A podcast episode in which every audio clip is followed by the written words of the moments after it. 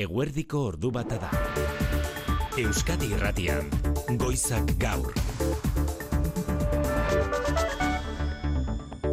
Arratsalde hon deizuela guztioi Bizkaian muskiz inguruan agertu diren pelet pinportak galizatik datozenak ote diren argitu zain biharko espero baitu jaularitzak aztik egindako ikerketaren emaitza hori argitu zain esandakoa jaularitzak ikuskaritza zehatza egiteko itsasontzia bidali du ingurura. Gaur eh, eguardian itsasoan ikuskaritza egiten duen e, itsasontzia aterako da.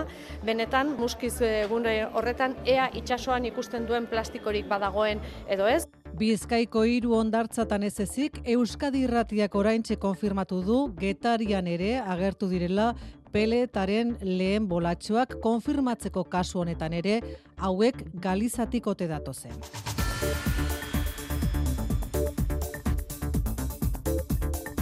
Cada persona que hoy nos escucha y nos ve sabe que si hoy fallamos, que si ustedes hoy fallan, señorías, mañana sube la factura de la luz. Eta hause Feliz Bolaños, Espainiako presidentziarako diputatuaren ministroaren barkatua otan, Sánchezen gobernuaren erio oiua krisiari aurre egiteko hiru dekretu atera nahi zituzten aurrera, pesoek eta sumarrek gaur, diputatuak telematikoki hasita daude bozkatzen, arratsaldeko hirurak arte jarraituko du bozketak, baina ordu honetan Juntzek iragarri du bere botoa ezezkoa izango dela ikusteko in extremis sinolako aldaketarik baote datorren. Gainerako lerroburuetan inigo alusti zarratxaldeon. maite. Hau guztia musikoen erabilera ospitale eta osasun zentro guztietan Espainiako gobernuak derrigorrezko egin nahi duen egunean. Une batetik bestera da ateratzeko aprentsaren aurrera Monika Garzia, Espainiako osasun ministroa, derrigortzea agindu hori nola gauzatuko lukeen azaltzera, osakidetzako iturriek esan berri digute, oraingoz behintzat ez dutela inolako agindurik jaso. Gainerakoan sumar mugimenduak Podemosek eta Ezkerran iuk etzi egin asmo dute agian azkena izango den bilera legebiltzarrerako hauteskundetarako koalizioa osatzen ahalegintzeko. Gaur gaurko zurrun dirudi aukera horrek negoziazioaren iturrietatik jakin dugunez, sumar mugimendua gainerako alderdiekin koalizioa osatzeko prestagertu da, baina atzo iragarri bezala Alba Garzia lehendakari gai dela handeka larrea sumarren bozera maila Euskadi Erratiko Faktorian. irmo mantentzen dugu geure geura postua eta pentsatzen dugu, bueno, lehenengo erreakzioa sorpresa izan da hori ulergarria izan izan leike izan daiteke baina bueno ikusiko dugu negoziatzeko pres e, dauden besteak Eta Nafarrako gobernuak 6 mila eta milioi euroko aurrekontu proiektua onartu berri du. Inoizko handiena da, iazkoa baino euneko ia amarra handiagoa. La apuesta de este gobierno por el gasto destinado al área social sigue siendo inequívoca. José Luis Arrasque, eh, ekonomia kontxellariak nabarmendu du aurrekontuaren erdia pasatxo gastu sozialera bideratu asmo dutela eta hildo horretan osasunaren alitzatekeela gehien handituko den diru saia euneko amarra aurrekontuak onartzeko EH Bildurekin akordioa bideratuta dagoela iradoki du arastek. Ekuadorren kaosa eta indarkeria nagusitu dira azken orduotan talde kriminal bateko buruzagiak espetxetik ies egin ostean.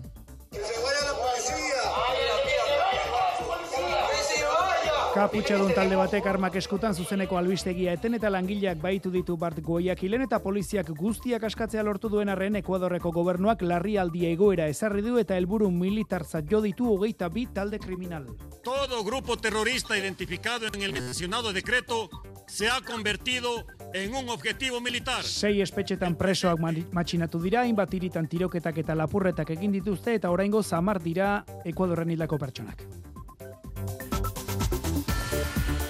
Begira dezagun orain errepide sare nagusira, egoera zein da ordu honetan anain zauzti? Arreta puntu bakarra une honetan Gipuzkoan N seien da hogeita amalau errepidean, itziarreta zumai artean furgoneta bat errepidetik atera da, bidean traba egiten duela digute segurtasun sailean, gainerakoan gogoratu indarrean dela, neguko bidezaintza plana, bigarre mailako errepidei dagokionez, mendate bakarrean behar dira kateak, araban, opakoan, gainerakoetan arretaz gidatzeko gomendioa.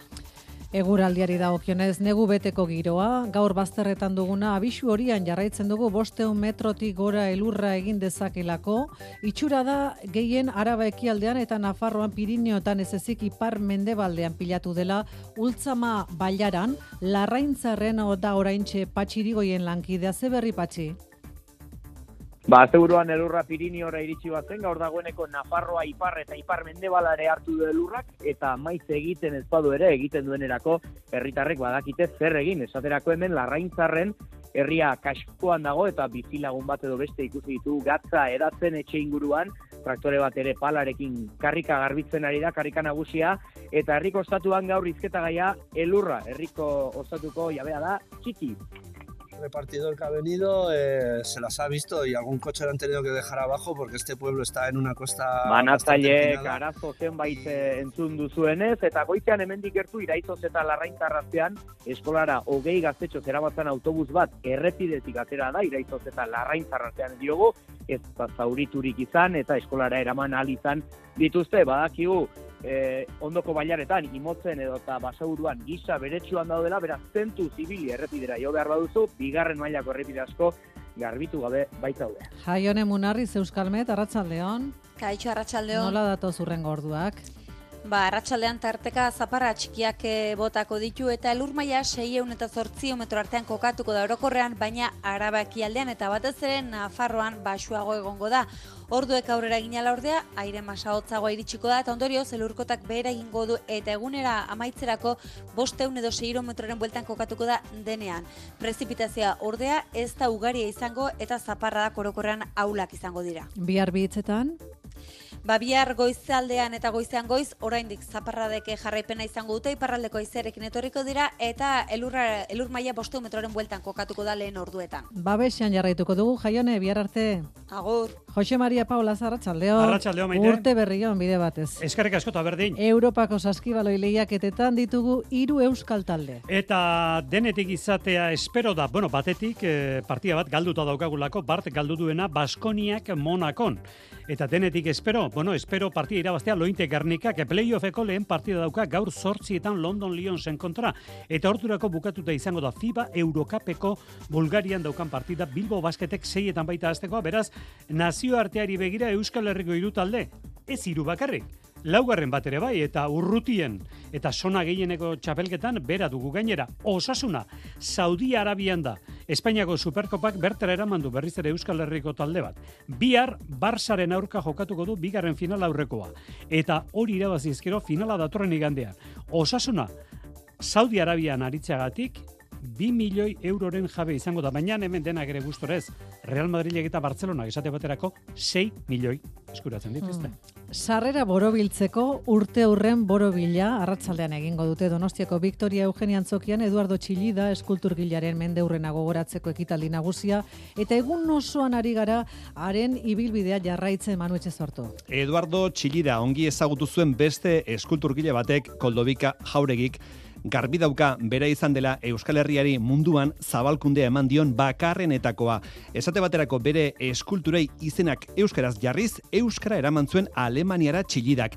Mila bederatzerun da irurogeita masegarren urteak giltzarri da koldobika jauregik esan digunez pesarte behar dugu iruita amaseian beneziko binara joten gala Euskaldunok, Euskaldun, Euskaldunak bezala, geroztik ninu ja gertatu ez dana, momentu hortan beste zenbait artistak ere heldatzen die, ba, zumeta beste beste. Eta bai jarri zuen kontestu handi batean, osea gure lehenengoko eskulturak izen euskeraz duten izenak eta e, daude aleman indorla, eta peak eraman adie. Eh? Orduan, eta bea momentu hortan dugun pixu izugarria momentu historiko batean eskolarriaren zat, eta ba, esan ezagun, ba, ba egite e, lemoizko zentral nuklearra, e, e, universitatea, Euskal Universitatea, edo presuen amnistia gogoratu amisten aldeko batzorden logo egin zuela txilidak eta maite kutsaren ere bai. Ordu bata eta bederatzi dira Mikel Retegi eta Xabi Iraola teknikan eta realizazioan. Euskadi Irratian, Goizak Gaur, Maite Artola. Bizkaiko hiru ondartzatan agertu diren pelet pinportak galizatiko ote datozen konfirmatu zain jarraitzen dugu, derioko laborategian ari da azterketa egiten azti eta azterlan horren emaitzen zain jarraitzen dute Euskal erakunde guztiek. Nolanai ere, jaularitzak uste zuena baino azkarrago egiten ari dira itxuraz, bolatxoak ibilbidea, getarian agertu ote diren abisua jaso du goizean aldundiak eta unionetan bertan dira udaleko ordezkariekin batera. Azken ordua getarian bertan jokin aierre garaik arratsaldeon jokin.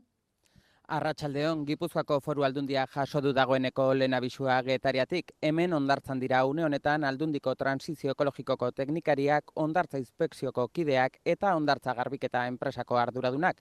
Azaldu digutenez, Gipuzkoako ondartzetara iritsi oiden pelet kopuruaren barnean sartzen dira gaur getarian azaldutakoak, eta fizikoki galizakoen itxura bera badute ere, aztiren ikerketaren zain geratzen dira Gipuzkoan ere baieztatzearen esperoan iritsiera bere alakotzat jotzen da Gipuzkoan, ala adierazi dueneko goia Donostiako alkateak. Bilbon euria ari dunean ordu bete beranduago Donostian egiten du da eta zoritxarrez iruditzen zait hau ere horreda izango da eta beraz Donostian ere izango ditugu da pedetak, ez?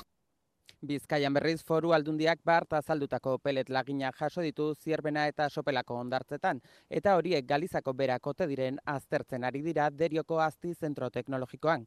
Guruz nekarrason sopelako alkateak Euskadi irratiari jakinarazi dionez, oraindik ez dute emaitzen berri, baina eurak dagoeneko martxan jarri dira lehengo ekitak hasi ditugu egiten, udaltzaingoa bi esan diogu, eh, ondartzara jaisteko, ikusteko ja agertzen diren e, teletak, surf eskolei ere abisu eman diegu azkenen eurakunetan eta ondartzen daudenako, eta baita ere egin ditugu ba, lehen kontakta ba, bolondresaria osatzeko, ba, behar baldin bada aktibatzeko ez.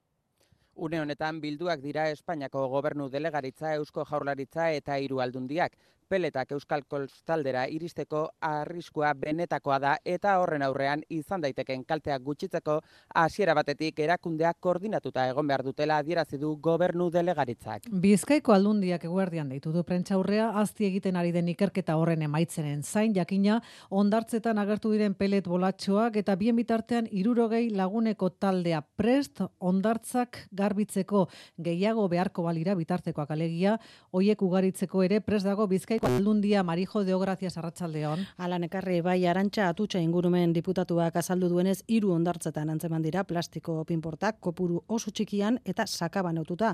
Gainera aztertzen ari dira Portugalen galutako eduki ontzikoak ote biren baina eta iritsiera masibo baten aurrean garbik eta nola egin antolatzen hasi dira. Asteko urte osoan zehar aktibo dagoen ondartzak garbitzeko lantaldearekin 60 lagun gaur egun eta bestetik eta voluntarioak behar izatera sare berdeak eta Bizkaia gara voluntariotza taldeekin koordinatu da eta bitartean herritadei deia egin dira atutxak.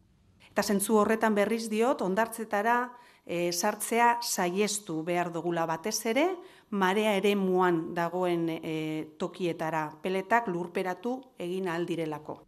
Oraingoz esan bezala arena sopela eta gorrondatxe ondartzetan antzeman dira peletaleak eta ondartzak dituzten udalerriekin ere harremanetan dago Bizkaiko Foru Aldundia beharrezko denerako prest izateko dena.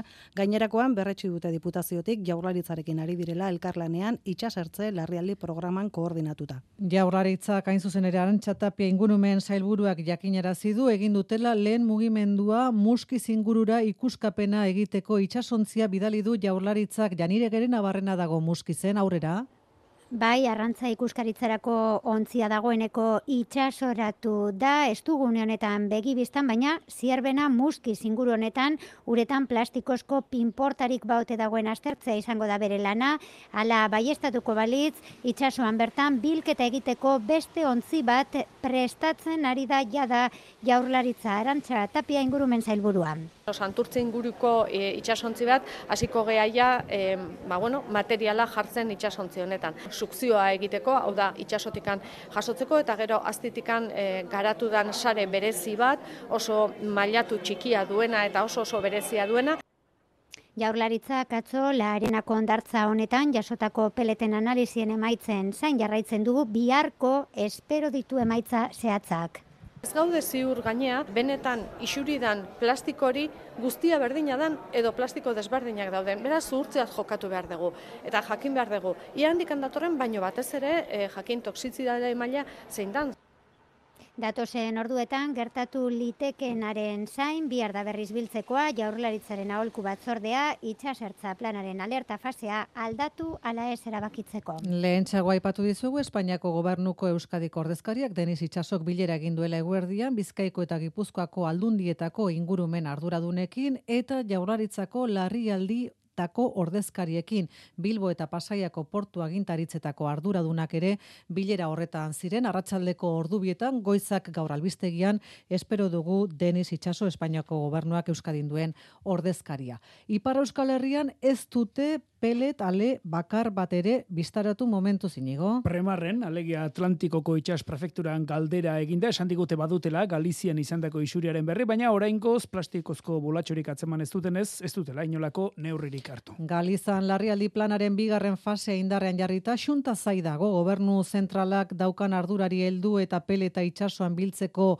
lan egin dezan, estatutik ze laguntza behar duen ez du jakinarazi. Pelet kutsadurak gogorren zigortu duen eremuan, etxipena eta kezka nabaria dira bizimodua itxasotik ateratzen duten herritarren artean. Bereziki eidararan berri Euskadirratiaren bidali berezia arratsaldeon. Arratzaldeon bai peleten arrastoak ez dituzte itsasoan atzeman azken orduetan arrantzuan ibili diren arrantzalek oraingoz dena garbi dagoela diote eta portura sartu den arraina ere salbu dago momentuz. No tiene nada, limpio Muroseko portuko arrandegian bezeroen aurrean arro zabaldu ditu legatzaren tripak arrain saltzaileak. E, bitartan xuntaren eta Madrien arteko eztabaida ez da eten, non egin behar da bilketa hori da galdera, itsasoan edo ondartzetan, ondamendi naturalaren erdian alderdi popularrak gobernatutako xuntak zein baliabide behar dituen zehaztu gabe jarraitzen du, Espainiako gobernuari dagokio Angelez Vázquez, ingurumen konseiariaren hitzetan, itsaso zabaleko garbiketa egitea. Solo faltaría que teniendo las competencias no lo hiciesen para que el 90% de esos sacos que todavía están en el mar... Orain arteko no estimazioa baita itxasuan galdutako peleten euneko amar besterik ez dela iritsi kostara eta gainontzeko itxasuan dagoela. Galizako xuntari erantzunez Teresa Rivera Espainiako gobernuko transizio ekologikorako ministroak adirazi du ezinezkoa dela peleta itsaso zabalean atzematea asteak direla itsas korronteak zaku hoiek batetik bestera eraman dituztela. Asturiasen bitartean Espainiako gobernu ordezkaritzak igorritako sei brigada batu dira ondartzetako garbiketa lanetara guztira eunda irurogei lagun inguruari dira lanean eta Asturiasko gobernuak iragarri du droneak ere baliatu dituela pelet kutsadurari aurre egiteko lanetarako. Galizak Gipuzkoako uretara iritsi diren hogeita bostona peletek itxas ingurumenari eta arrantzuari kalte egiten diotela ohartarazi du gaur Europako ingurumen komisarioak eta bide batez Twitter bidez Espainiako estatuari laguntza eskaini dio urrian gogoratu mikroplastikoen isuriak mugatzeko proposamena egin zen Bruselak, baina oraindik estatu kideek ez dute gai honen inguruko araudirik onartu. Arratsaldeko ordu batak eta 17 minutu dira, jo dezagun Madrilera zuzenean Espainia Espainiako gobernuak aurrera atera nahi dituen lehen hiru dekretuak bozkatzen ari dira goizetik irureunda berrogeita mar diputatuak telematikoki. Telematikoki izan ere kongresuan egiten ari diren lanak edo obrak amaitu bitartean senatuan elkartu behartzuten eta senatuan ez ziren guztiak kabitzen. Gora bera hori da ala ere txikiena. Itxuraz azken unera arte ez da era bat argituko, Sánchezen gobernuak erio egoera hau gaindituko ote duen, baina itxaropena geroz eta txikiagoa du Mikel Arregi Arratsaldeon. Kaixo arratsalde hon bai, bi ordu baino gutxiago ditu gobernuak legealdiko lehen porrota saiesteko hiru dekretuen bozketa, bozketa telematiko arratsaldeko hiruetan bukatuko da, eta pesoek eta sumarrek mirari bat behar dute berauek aurrera ateratzeko. Juntzek eta Podemosek ezezko botoa prest, eta gobernuak babesak endu dien taldei eraso egitea erabaki duentzun, Felix Bolañosek gaurko saio hasieran esandakoa. Ustedes, señorías, están aquí para hacer el bien a quienes les votaron y no para perjudicarles con politiquerías que nadie entiende. Hagamos política Presioek, baina ez dute iuntzen eraginik izan, Miriam Nogeras bozemaileak esan du gobernuak atzera egin behar duela, dekretuak banaka gai desberdinak nahastu gabe landu eta aurkeztu behar dituela taldeekin fundamentuz negoziatuta. Facin la feina ben feta, assumeixin que no tenen una majoria, pactin amb Junts i tindran els vots de Junts.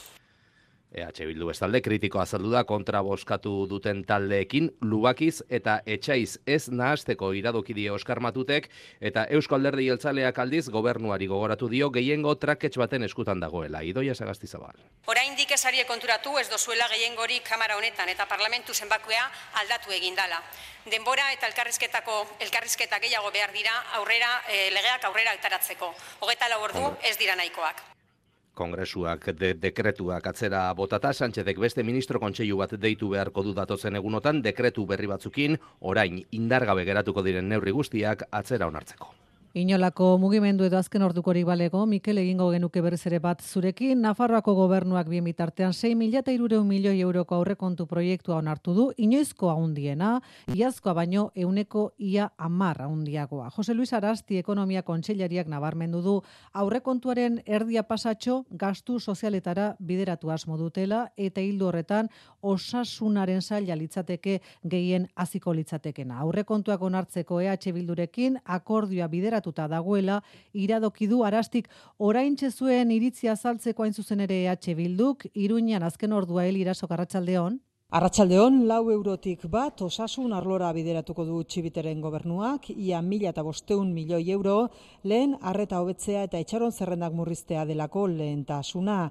Hezkuntza eta eskubide sozialekin batera, oroar zerbitzu publikoak hobetzea da, lehentasuna azpimarratu du José Luis Arasti, Ekonomia eta Ogasun Konsellariak. La apuesta de este gobierno por el gasto destinado al área social sigue siendo inequívoca y creemos que redunda en beneficio Horrela dago jasoa, PSN, geroa bai eta zurekinen, gobernu akordioan, EH Bilduk ere egin dio bere karpena, aurrekontu proiektuari koalizio subiran estearekin, akordioa lotzear duela iragarri du arastik, La predisposición por las dos partes ha sido siempre positiva. Es verdad que se han llegado ya... Hildo beretik Laura Aznal, EH Bilduko parlamentariak ordu honetarako deitu ditu edabideak bere jarrera azaltzeko.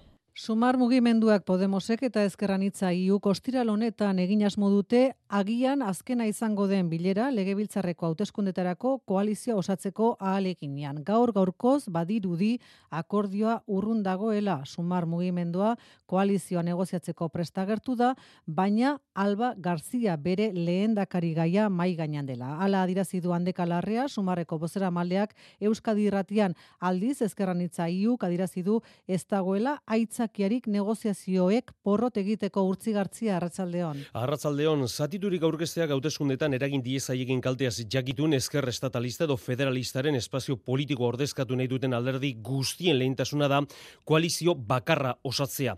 Hala ere, Sumar eta Podemosen arteko zatiketak aukera hori urrundu egin du. Sumar mugimenduak ez du baztertu Podemos albo batera utzita, azkenean gainerako alderdie koalizio bakarra bat osatzea. Eskerran itza iugaldiz, batasunaren alde egiten egiten ez zuenak bere jarrera azaldu beharko dela huartarazi du, entzun urren ez urren handeka larrea sumarrete inigo martinez eskerran itzaiu.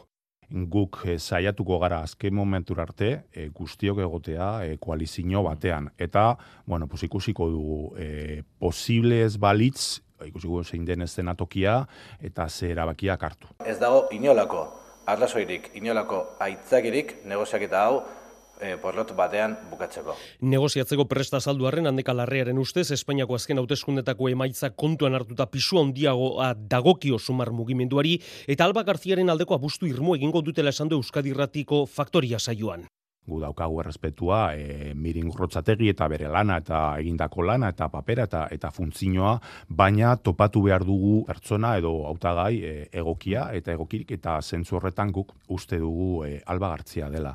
Bazken ba, ordukoa da, oraingoz Podemosek adirazpenik egingo ez duen arren alderdi morearen iturriek eite beri adirazi diotenez, sumarrek eginduen proposamena desleiela dela erabat zentzugabekeria Podemoseko lehendakari gai bat aurkezteko etzelako beharrezkoa sumar mugimendu mugimendua sortzea. Eskerran itza iu ez da orengo zautagi batekin edo bestarekin lerrokatu, iruko hautagaitza korala proposatu du Jon Hernandez legebiltzarkidearekin batera, bagauzak horrela, etzi ostira larratsaldean balizko koalizioa adosteko azkena izan liteken bilera dute alde guztiek. Balizko, oso balizko, aidanean Podemosen iturriek diotena aintzat hartuta.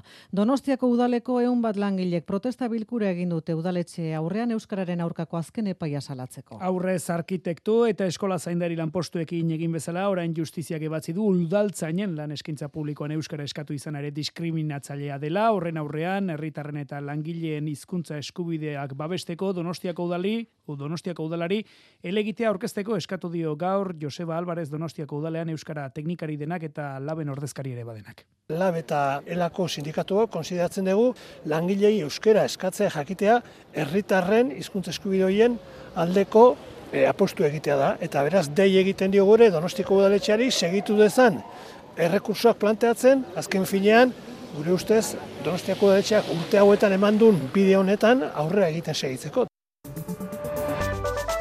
Ordu bata eta hogeita lau minutu dira. Ekuadorren kaosa nagusitu da talde kriminal bateko buruak espetxetik ies egin ostean. Indarkeria herrialde osora zabaldu da eta horren adibide Guayaquil irian gertatutakoa Armaz jositako talde batek zuzeneko telebista saioa etendu, bertako langileak baitu moduan hartuta poliziak amairu persona atxilotu eta baituak askatu ditu, larrialdi egoera dago ezarrita herrialde osoan, baina matxinadak eta tiroketak ari dira izaten, Ekuadorreko hainbat hiri eta espetxetan landerra izagirre arratsaldeon. Arratsaldeon bai, hause da poliziak egoera kontrolpean hartu eta amairu baitzaileak telebista eraikinetik atera dituen momentua. Dale, vamos juntando, muevan! Hainbat orduz izan dituzte kaputxadunek langileak baituta armekin burura puntatu diete eta granadak eta lehergailuak erakutsi dituzte kamera aurrean.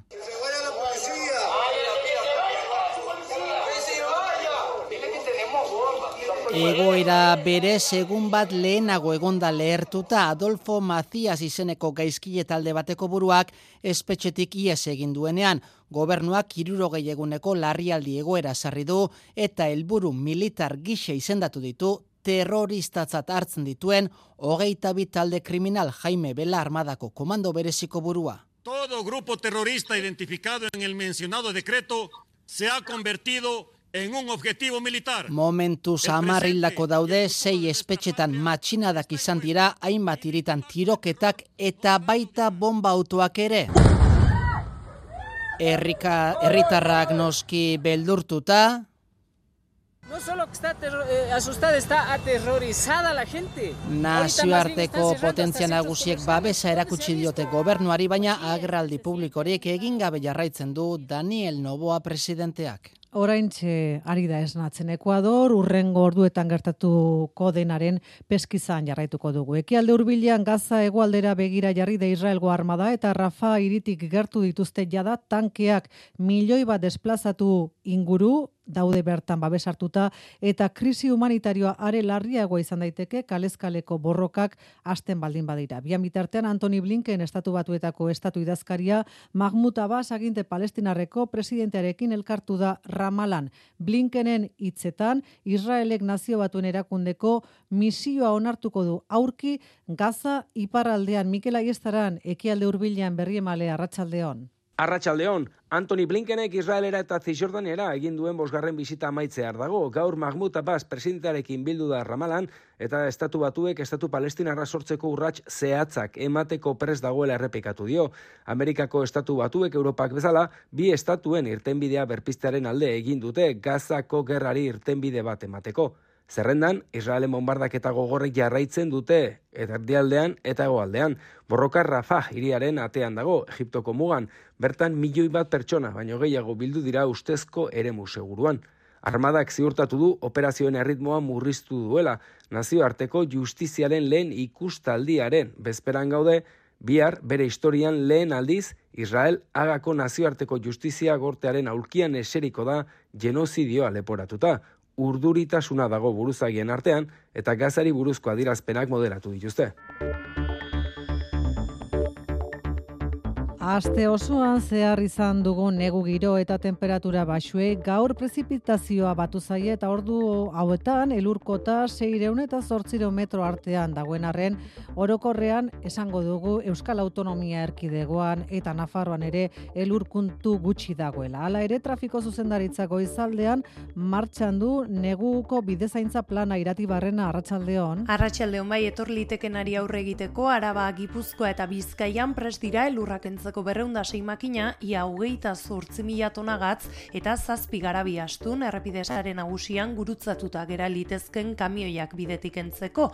Hala ere makineria guzti horrek oraindik lan gehiegi ez du izan, iragarpenaren arabera hori bai arratsaldetik aurrera iluntzean zuritu lezake eta kalean galdetuta batzuk elurra iristeko desiatzen beste batzuk ezain beste. Elurra espero nuen, baina azkenean bakarrik horia. Gaur egia esan, autobusean etorri naizela hoi, ez eta elurra ikusi inun, bakarrik ba, ja, gorbeian edo. Baina, ba, elurra espero nuen egia esan.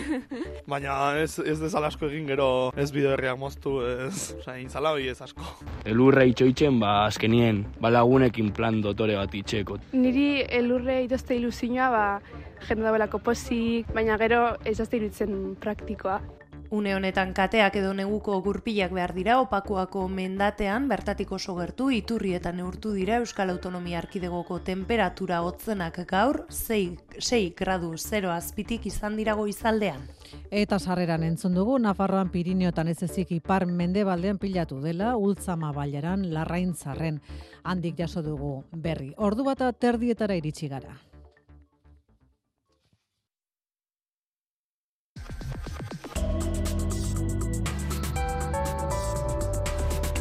Euskadi Irratian eguraldia eta trafikoa. Errepidezaren nagusian aparteko gora berari gabe ordu honetan eta hause urren gorduetarako eguraldiaren pronostikoa Euskalmeten eskutik. Tarteka zaparra txikiak botako ditu arratsalde partean eta elur maila 600 eta 800 metro artean kokatuko da orokorrean, baina arabaki aldean eta Nafarroan ba basuago egongo da.